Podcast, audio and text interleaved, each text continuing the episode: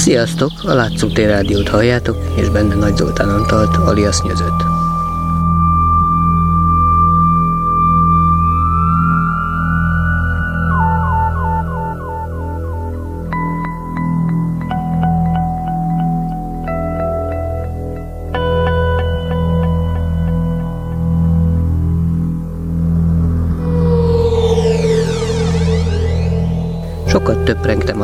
Töprengtem azon, hogy milyen témát is hozzak számotokra az első alkalommal, de nem tudtam eldönteni, miről beszéljek az engem érdeklő számos dolog közül. Végül vettem egy mély lélegzetet, és így keletkezett ez a műsor. Tekintsük egyfajta spontán bemutatkozásnak. Amolyan első lecke, önportré hangban, arc nélkül.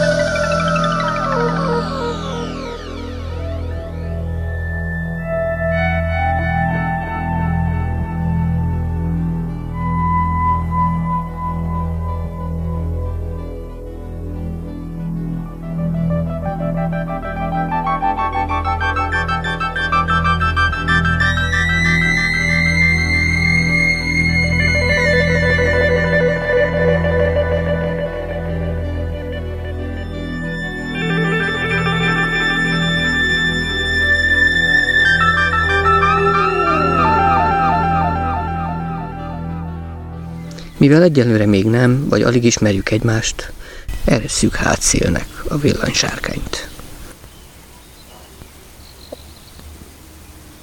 Még két hét sem telt el azóta, hogy először beleordítottam ebbe a világba, amikor autókerekek verték fel a hold évmilliárdok alatt leülepedett porát. Micsoda távlatok!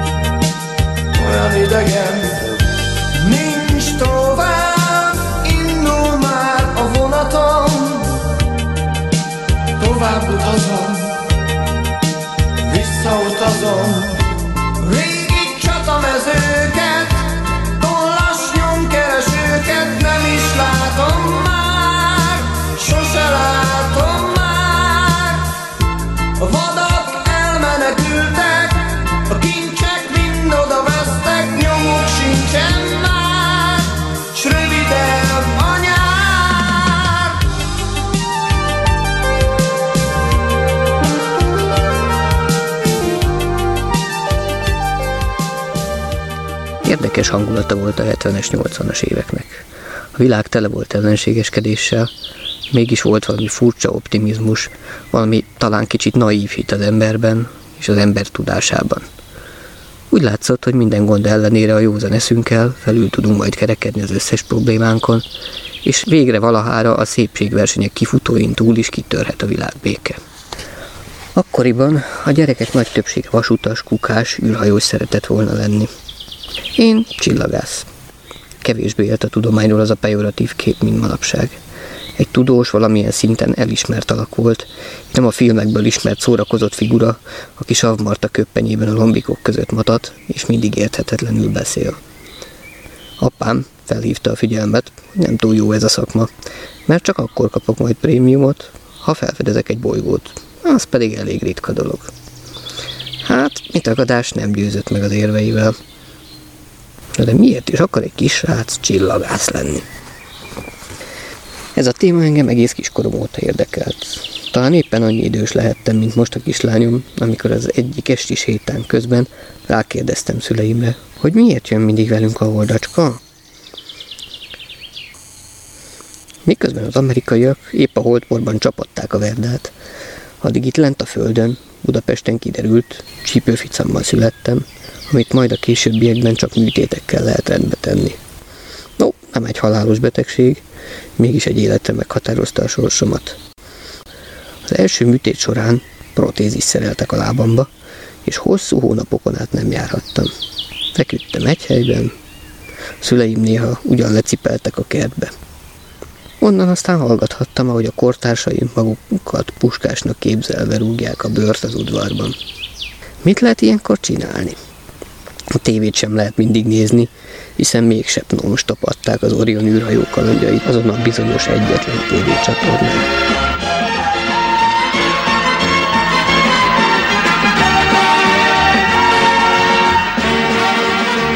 Ami ma még mesének hangzik, holnapra valósággá válhat. Ez a történet a holnap után legendája. A nemzeti állam fogalma ismeretlen, csak az emberiség és a világűrbe kihelyezett kolóniák léteznek. Az emberek meghódították a távoli csillagokat. A tengerfenék állandó lakhelyükké vált. Az Orion egy a sok űrhajó közül. Parányi része a mindent átfogó biztonsági rendszernek, ami a világűrből érkező támadásoktól védelmezi a Földet. Kísérjük el az Oriont és legénységét a végtelenség szélére vezető őrjáratukon. Lehetett például olvasni. A klasszikus ifjúsági regényeket is meg lehet unni egy idő után, hiszen a delfin könyvek kifogyhatatlannak tűnő sorra is elfogy egyszer. Így került a kezembe annó a csillagászati évkönyv 1979-es példánya. Nem mondom, hogy értettem, de valami mégis megfogott benne. És onnantól nem volt megállás.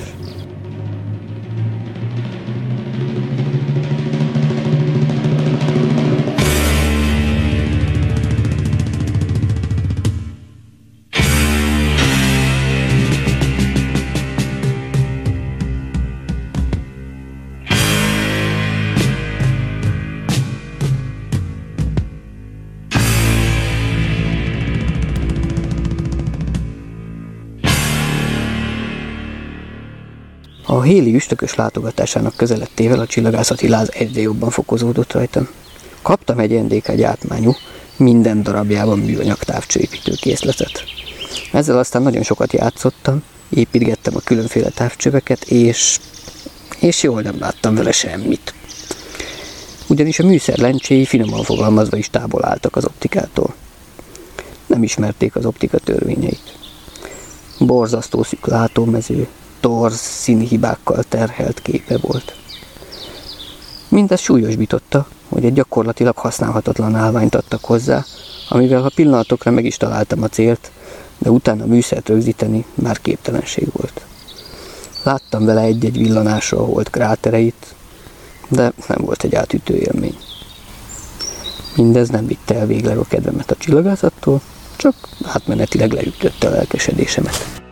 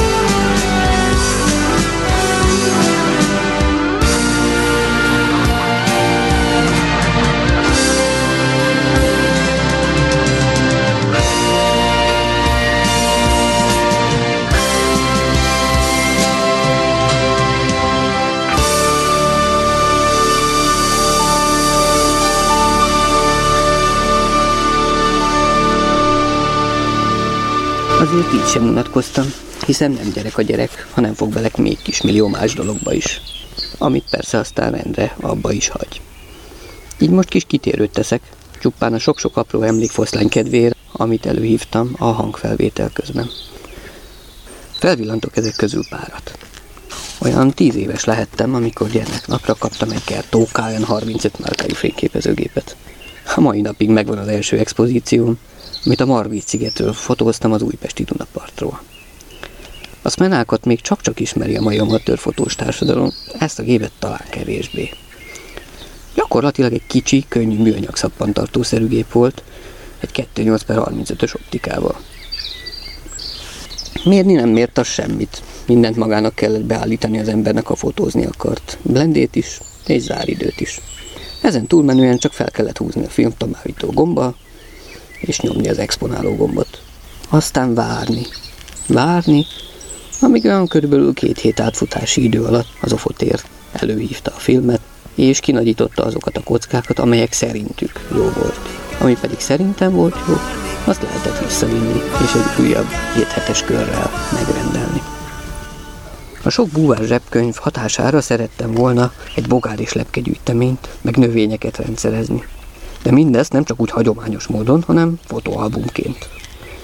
Így aztán elkezdtem a kertóra mindenféle úton, módon felragazgatni a semmire sem jó távcsőépítő készlet darabjait. Hol előtétlencsének, hol teleobjektívnek, hol ennek, hol annak. Természetesen erre sem volt jó.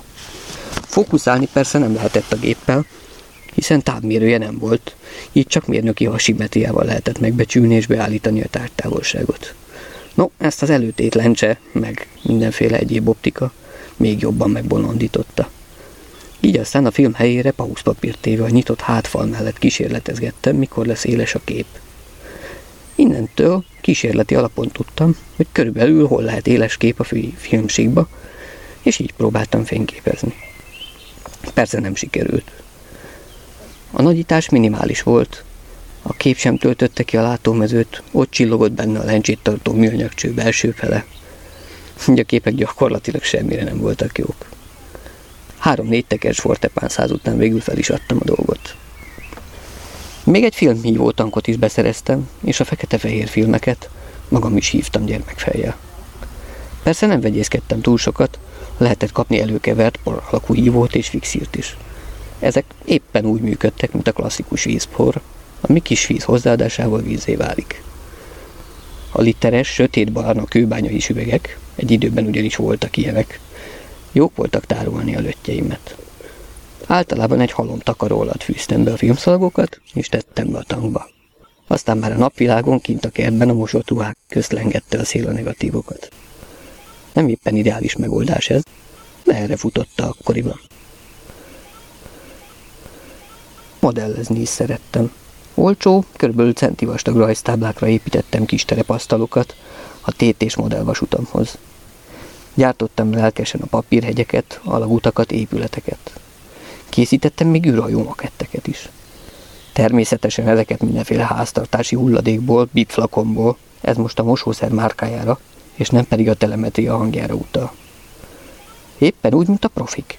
Hiszen akkoriban ment a tévében a Pirx kapitány kalandjai című csodasorozat, ami sok-sok ötletet adott a barkácsoláshoz.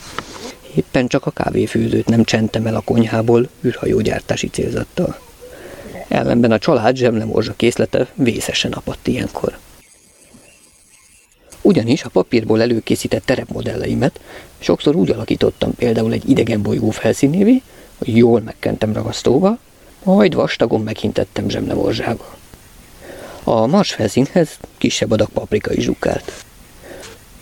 Egyszer még filmet is forgattam azzal az osztálytársammal, akivel néha összejártunk. Super 8-as filmes kamerával dolgoztunk. Neki volt saját kamerája is, nálunk csak apámnak, de sohasem adta oda. Atyám a baráti Szovjetunióból hozta annak idején, olcsóért, rubel alapon. Igaz, ő sem használta semmire, így aztán megérte megvenni mellé még a méregdrága vetítőt is. Barátom kamerája tudott kockázni is, meg lassított, gyorsított felvételeket csinálni. Így hát kimentünk a közeli kis erdőbe forgatni.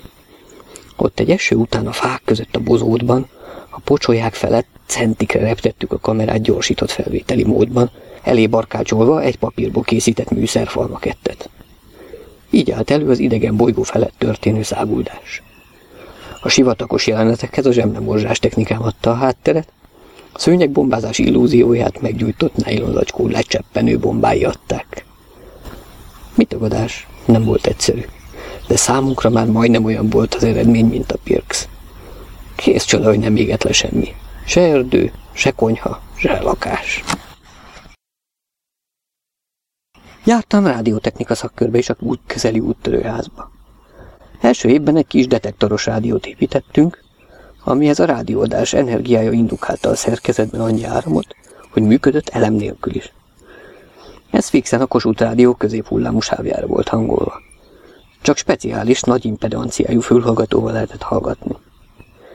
Másodszorra már egy állomáskeresős hangszórós, egy tranzisztoros zsebrádiót raktunk össze. Hatalmas élmény volt, amikor először megszólalt egy saját építésű zsebrádió.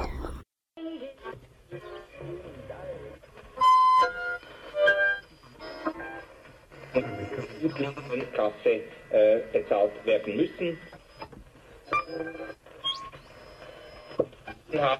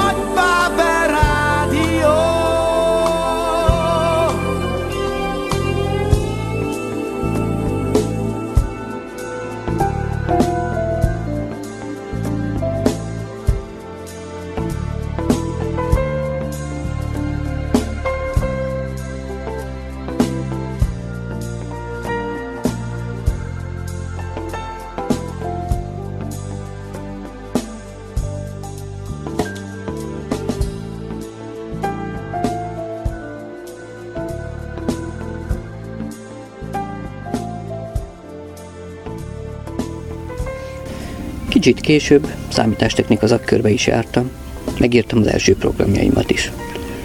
Kaptam egy ZX81 Sinclair típusú mikroszámítógépet. Ha valaki nem ismerné a maiak közül, ebben a gépben volt 64x48 képpontos grafikus felbontás. Nem, nem rosszul mondtam. És 1 kilobájt memória. Igen, jól hallottátok. Kiló, nem meg a pláne nem giga. Később ez a terület maradt még tartós és mély hatású az életemre, de erről talán majd egyszer máskor mesélek. A mindent átható skifimániám következtében elkezdtem írni saját kis történeteket, novellákat is. Utólag bizony megmosolyogtató írások ezek a kisiskolás fantázia minden csapongásával. Barátom szintén írogatott titokban, és vele néha megvitattuk a műveinket. Egyszer még egy közös képregényt is elkezdtünk rajzolni, de a hazai képregény történelem nagy szerencséjére pár oldalnál több nem készült belőle, és abból is csak egyetlen példány volt, vagy talán még meg is van valahol.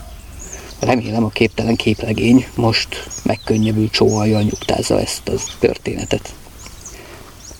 Csináltam saját társasjátékokat is. Nagy négyzethálós lapon voltak az akár asztalnyi méretű játékpályák. Hogy, hogy nem általában űrstratégiai tematikával bírtak, kártyákkal lehetett a történetet kanyarítani, kockával tovább haladni, döntéseket hozni. Dobókockát pedig kockacukorból készítettem általában. Már említettem a csípőficemomat. Emiatt az iskolai tesi órák alatt fel voltam mentve. Általában ott ültem a pad szélén, és hallgattam a többiek piszkálódását. És nem csak torna óra közben. A helyzetet súlyosbította, hogy később már nekem is be kellett töltözni, és a gyógytornász által előírt, akkoriban VR cikinek érzett külön gyakorlatokat kellett csinálnom. Állandóan célkeresztben éltem az általános iskolások életét. Egyre jobban befordultam, és a magam külön világában éltem. Kevés barátom volt. Az általános iskola vége felé már csak az lebegett a szemem előtt, hogy túléljem az egészet. És a középiskolában, máshol, mások között tiszta lappal kezdhessem újra az életet. Valahol, ahol senki nem ismer, senki nem ítél, és nem ítéltetik.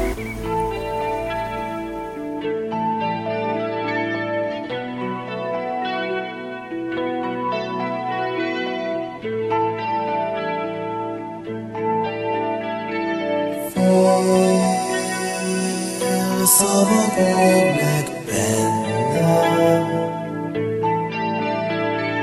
Hey, segíts meg pihennem Majd, ha már nem lesz több hely És berobban a domb Találkozunk majd ott fenn Hol nyugalom 落落大沙沙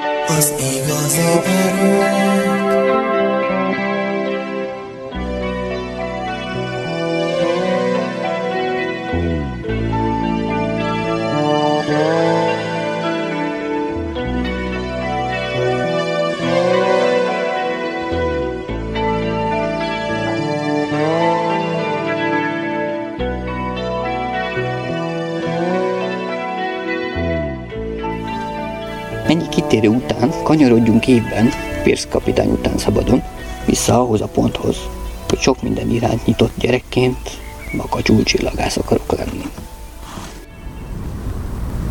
Még nem jártam iskolába, amikor látva a csillagok iránti egyre fokozódó érdeklődésemet, apám azt ígérte, hogy ha a Népligetben kinyújt majd a planetárium, elvisz oda egyszer.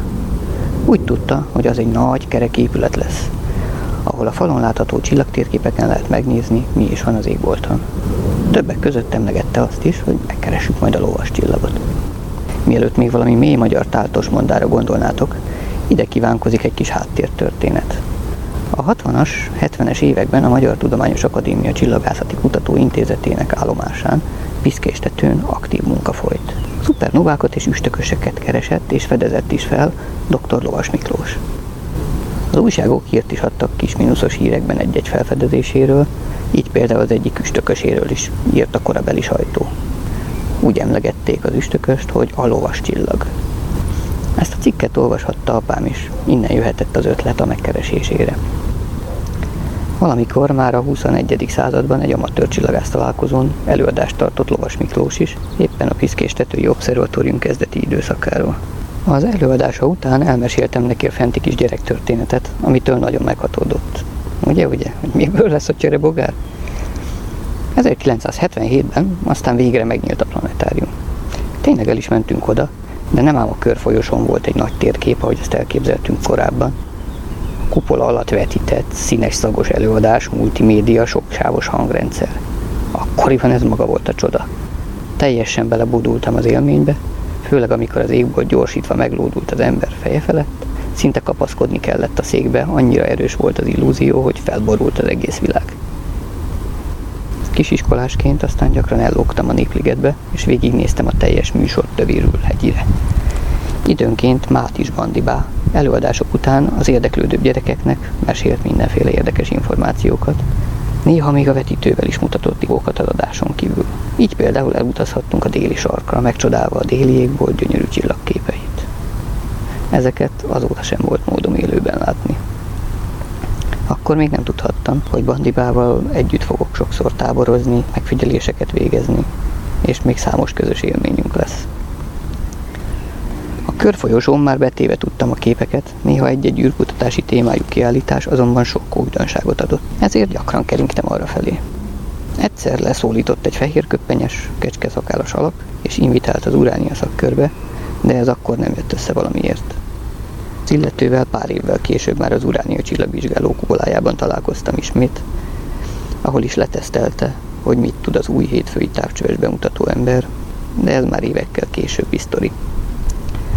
Lelkesen készültem a héliüstökös eljövetelére, és építettem a már emlegetett Astro Kabinet távcsőparódia építőkészletből ismert műszert is. Erőteljesen felejthető sikerrel. Többet mutatott az osztálytársammal közösen összeépített U43-as úgynevezett dióverő távcső. Ezzel nem a látszótéren ismert dió kollégát lehetett eltangálni, hanem a műszer alakjára utalt. Jó hosszú, keskeny túlsa volt, és a leképezése is hagyott maga után kívánnivalót. Így bizonyára alkalmasabb volt diószedésre, mint távcsöves megfigyelésekre. Gyakorlatilag egy kis dioptriájú szemüveglencse és valami papír vagy PVC cső kombinálásával készült. A szemlencséket kisebb átmérő csőbe helyeztük el. Éleségi állítás ennek a nagyobb csőben való húzkodásával történt. A megfelelő szorulást Leukoplast interfész adta. Ezzel a műszerrel azért az asztrokabinetnél mégis többet láttunk, így megvolt vele az úgynevezett galilei élmény, ahogy amatőr csillagászkörökben mondják. Ez ugye a világra való rácsodálkozás, a saját szemmel történő felfedezés öröme lenne. Ez manapság már egyre kevésbé működik, hiszen a mai gyerekeknek egy homályos, életlen kép egyszerűen már nem adja meg ezt. Ezernyi forrásból folyik a sok színes, szagos, tűéles, háromdimenziós kép, sőt, videó. Távcsöves bemutatókon gyakran megéljük mostanában, hogy a saját szemben látott látvány az embereknek már kiábrándító a médiában kapott élményekhez hasonlítva. Egy teljes holdfogyatkozás kedvéért egyik éjjel ellógtunk otthonról. Barátom kis Simpsonjával keresztül robogtunk a budapesti éjszakán, egyenesen a Pilisi hegyek közé. Meg sem álltunk, csak a Lajos forrás mellett található kis erdei réten, és onnan néztük végig a jelenséget. Még kis rajzokat is csináltam a fogyatkozás alakulásáról. Máig nem értem, hogy nem buktunk le ezzel az éjszakai kalanddal. Csípő ficamon miatt egy-egy hónapot a Vajtai gyermekkastélyban töltöttem. Ebben a kastélyban gyakorlatilag rendes tanítási óráink voltak, ugyanúgy éltünk, mint egy normál kollégiumban, azzal kiegészítve, hogy itt gyógytornászok foglalkoztak velünk. Egyik alkalommal egy késő őszi hónapban voltam ott, talán október lehetett. Egy hatalmas szélvihar kicsapta az éjszakára bezárt spalettákat, és én lekászálódtam az ágyamról, hogy becsukjam azt. És, és ott ragadtam. Ugyanis Vajtán közel távol nem volt közvilágítás, hihetetlen sötét égbolt volt. Sziporkáztak a csillagok, és én csak ott álltam, álltam, és egyszerűen nem tudtam becsukni az ablakot. Egész addig, amíg az egyik szobatársam rám nem szólt, hogy mindjárt megfagy. Úgyhogy ha lehet, inkább csukjam be és húzzak vissza aludni.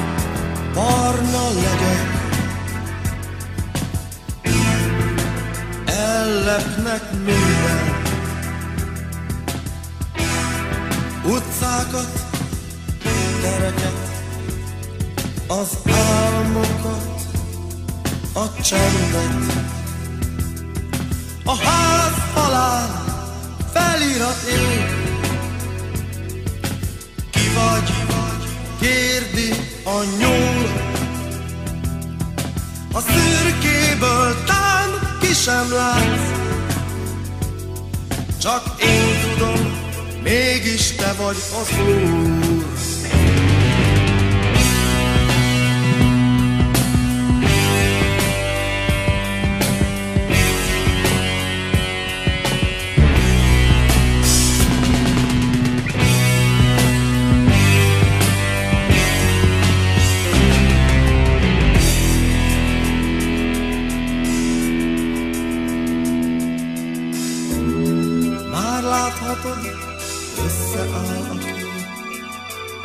Játék véget.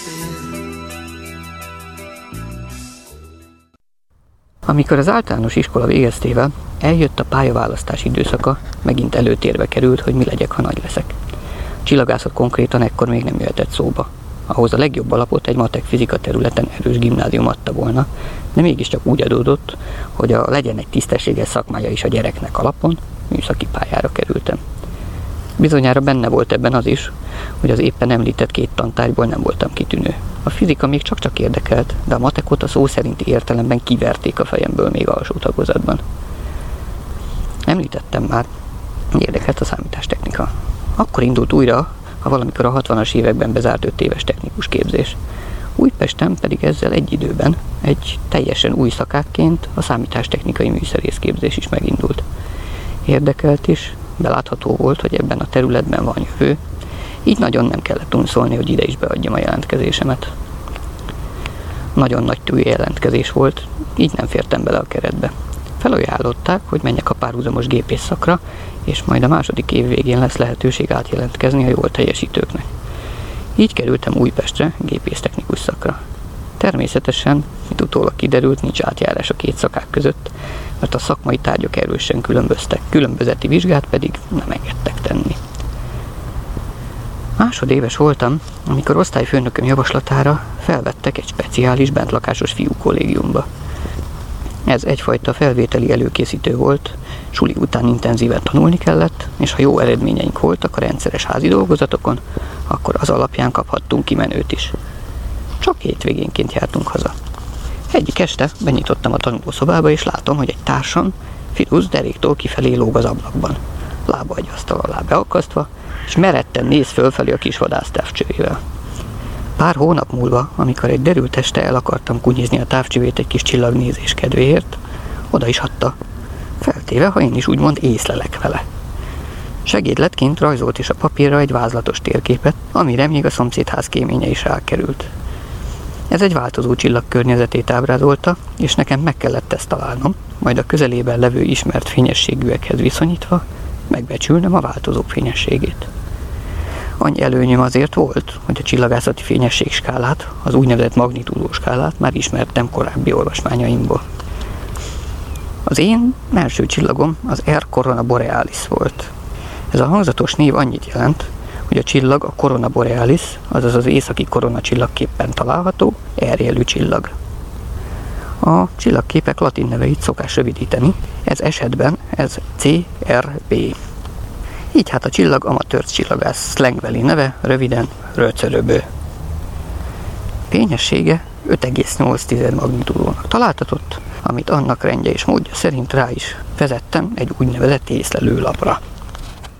Ezzel és velem felfegyverkezve aztán Fidus elcipelt a Pleione változó csillagészlelő hálózat, röviden PVH adatgyűjtőjéhez az egyik esti kimenőnk alkalmából. Átadtam az észlelőlapot, és a kedves adatgyűjtő jó két percig hümmögve dörzsölgette az állát. Nézte azt az egyszemű észlelést, de végül, na jó, egye fene, felkiáltással eltette egy vaskos dossziéba. Nekem meg leesett egy mázsás kő a szívemről, hogy elfogadták az első észlelésemet. Ez a történet volt a kezdete annak a sok-sok évnek, amit a hazai amatőr csillagász közéletben eltöltöttem. Ennyi időről már csak terjedelmi okokból sem lehet beszélni ebben az adásban, talán egy másikban. Azért egy járulékos, de végül is nagyon fontos információ még ide kívánkozik.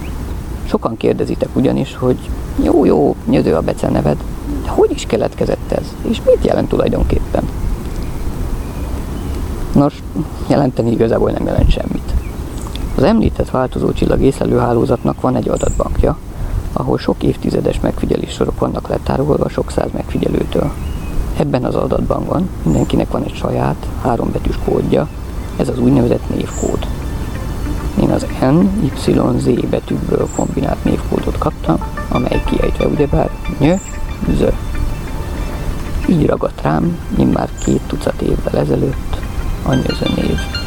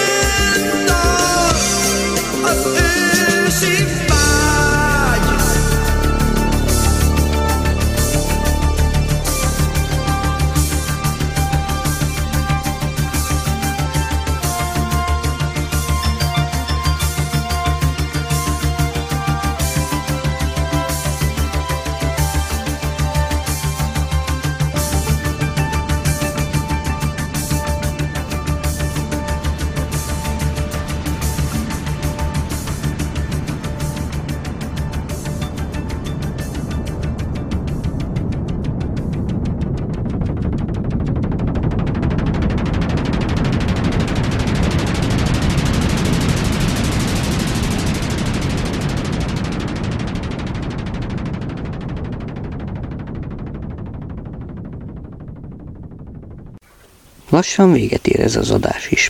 A műsorban elhangzott zenéket ezúttal az East együttes lemezeiről válogattam. Egy kis adalék még a végére, miért is lett ennek a műsornak a sorozat címe az, hogy villansárkány. Emma lányom három éves korában kitalálta, hogy előadást tart nekünk a kertben. Kiállt a ház elé egy műanyag flakonna, az volt a mikrofonja, és belefogott valami ilyesmibe. Amikor megfogalmazódott bennem a műsorkészítés szándéka, és előkerestem a régen porosodó mikrofont, ki akartam próbálni. Emma nem volt rest, megkérdezte, hogy belebeszélhet-e ő is. Jól szórakoztunk, mert amikor már pár perc múlva a negyedik hangsában ordította önmagával.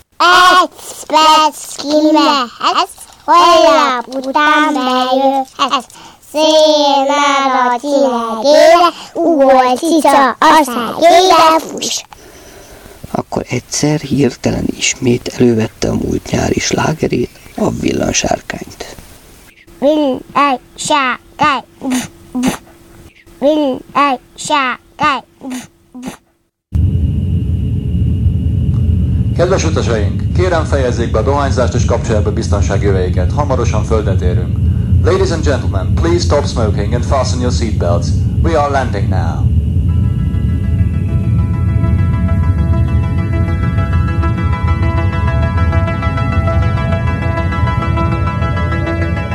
Utak és elágazások, sínek és állomások, felülről ennyit mutat városod. Száll a gép egyre lejjebb, a házakon ismerősek, de még az arcokat nem láthatod. Minden oly tiszta föntről, mindent úgy megszépít a messzeség.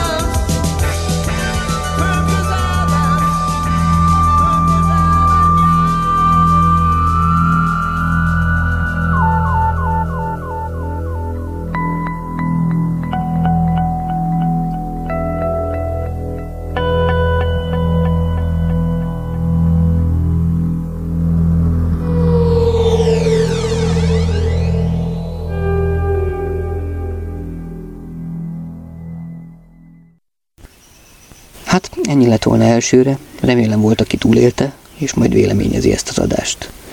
További jó rádiózást kívánok, legyetek jók, és soha ne dobáljátok a repülőket kővel.